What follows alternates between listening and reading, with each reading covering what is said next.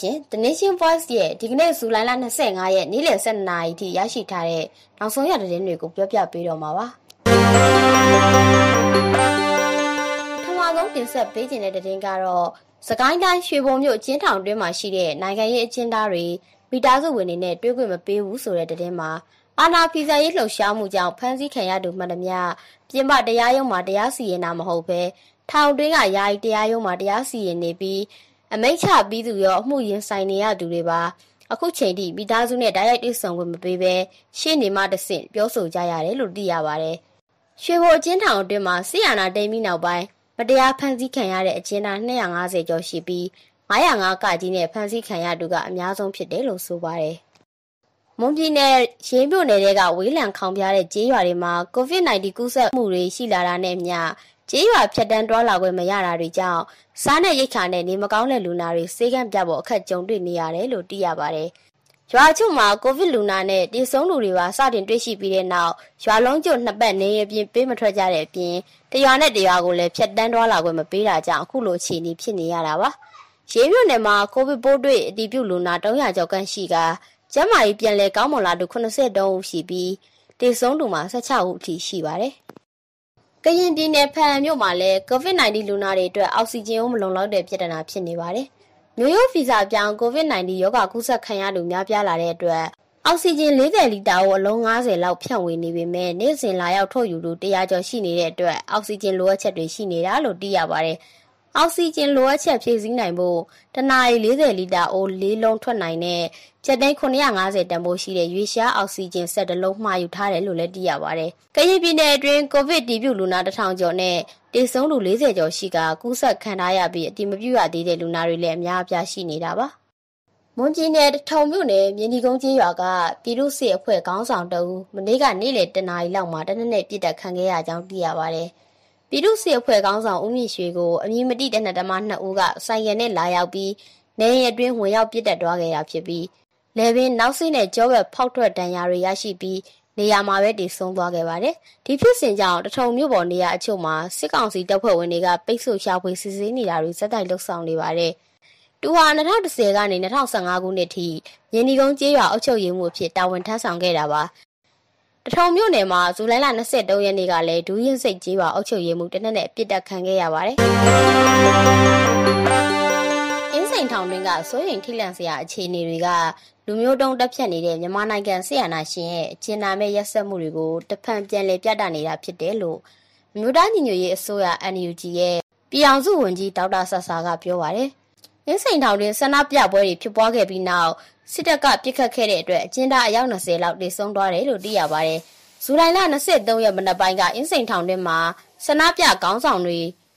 ထောင်ထဲမှာဖျားနာလူတွေများနေပြီးစေဝါကုတမှုမလုံလောက်တာရာဇဝတ်အတေးဖွဲမှုတွေကိုလွှတ်ပေးပြီးပုံမှန်905ကကြီးတွေကိုလွှတ်မပေးတာထောင်ထဲမှာစီကံတင်ကြမှုများလာတာစတဲ့အချက်တုံးချက်ကိုအများဆုံးဖြေလျှော့ပေးဖို့ဆန္ဒပြတောင်းဆိုခဲ့တာပါ။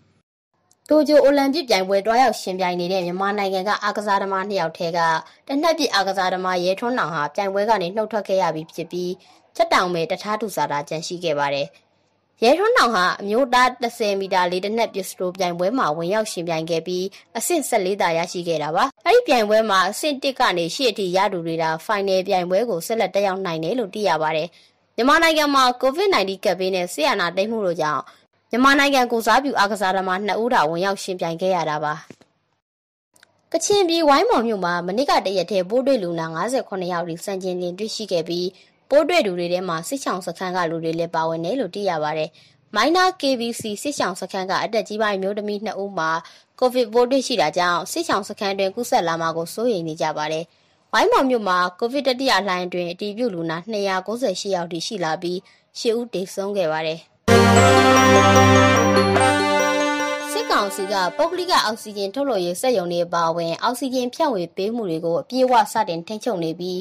ရက်ကွက်မြို့နယ်အာဏာပိုင်တွေရဲ့ထောက်ခံချက်မပါရင်အောက်ဆီဂျင်ဖြစ်တွင်းဝယ်ယူခွင့်မရတဲ့စနစ်ကိုတက်တွင်းနေတယ်လို့သိရပါတယ်။စစ်ကောင်စီကပြည်내နဲ့တိုင်းဒေသကြီးရဲ့ဒီဒီမှာတိုင်းမြို့နယ်အောက်ဆီဂျင်ဖြန့်ဖြူးရေးအဖွဲ့တွေကိုဖွဲ့စည်းလိုက်ပြီးအဲဒီအဖွဲ့တွေကအောက်ဆီဂျင်တွေကိုခွဲတဲ့နဲ့လက်ခံယူက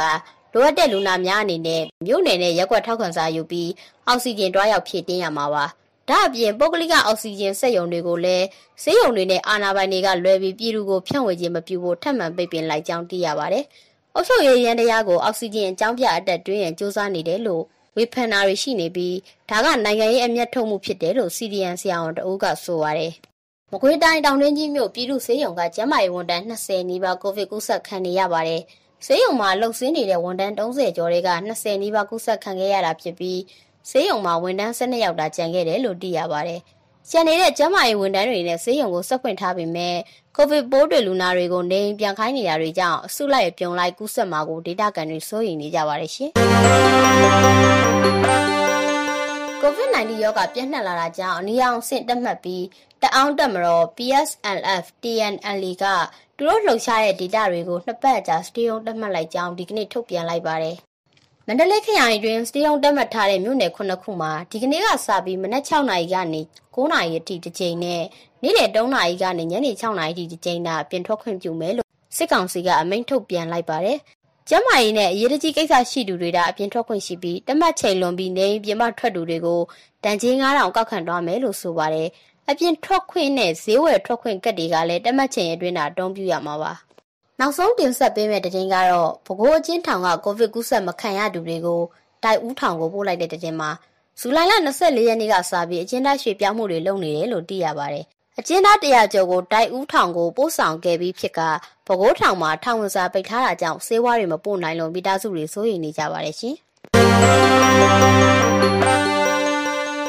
အခုတင်ဆက်ပေးခဲ့တဲ့သတင်းတွေကို The Nation Voice သတင်းဌာနရဲ့ Facebook, YouTube နဲ့ Telegram တွေကနေတဆင်နားဆင်နိုင်ကြတာမို့လိုက်ရန် Subscribe လုပ်ထားကြဖို့လည်းပြောချင်ပါတယ်။နားဆင်ပေးကြတဲ့အတွက်ကျေးဇူးတင်ပါတယ်ရှင်။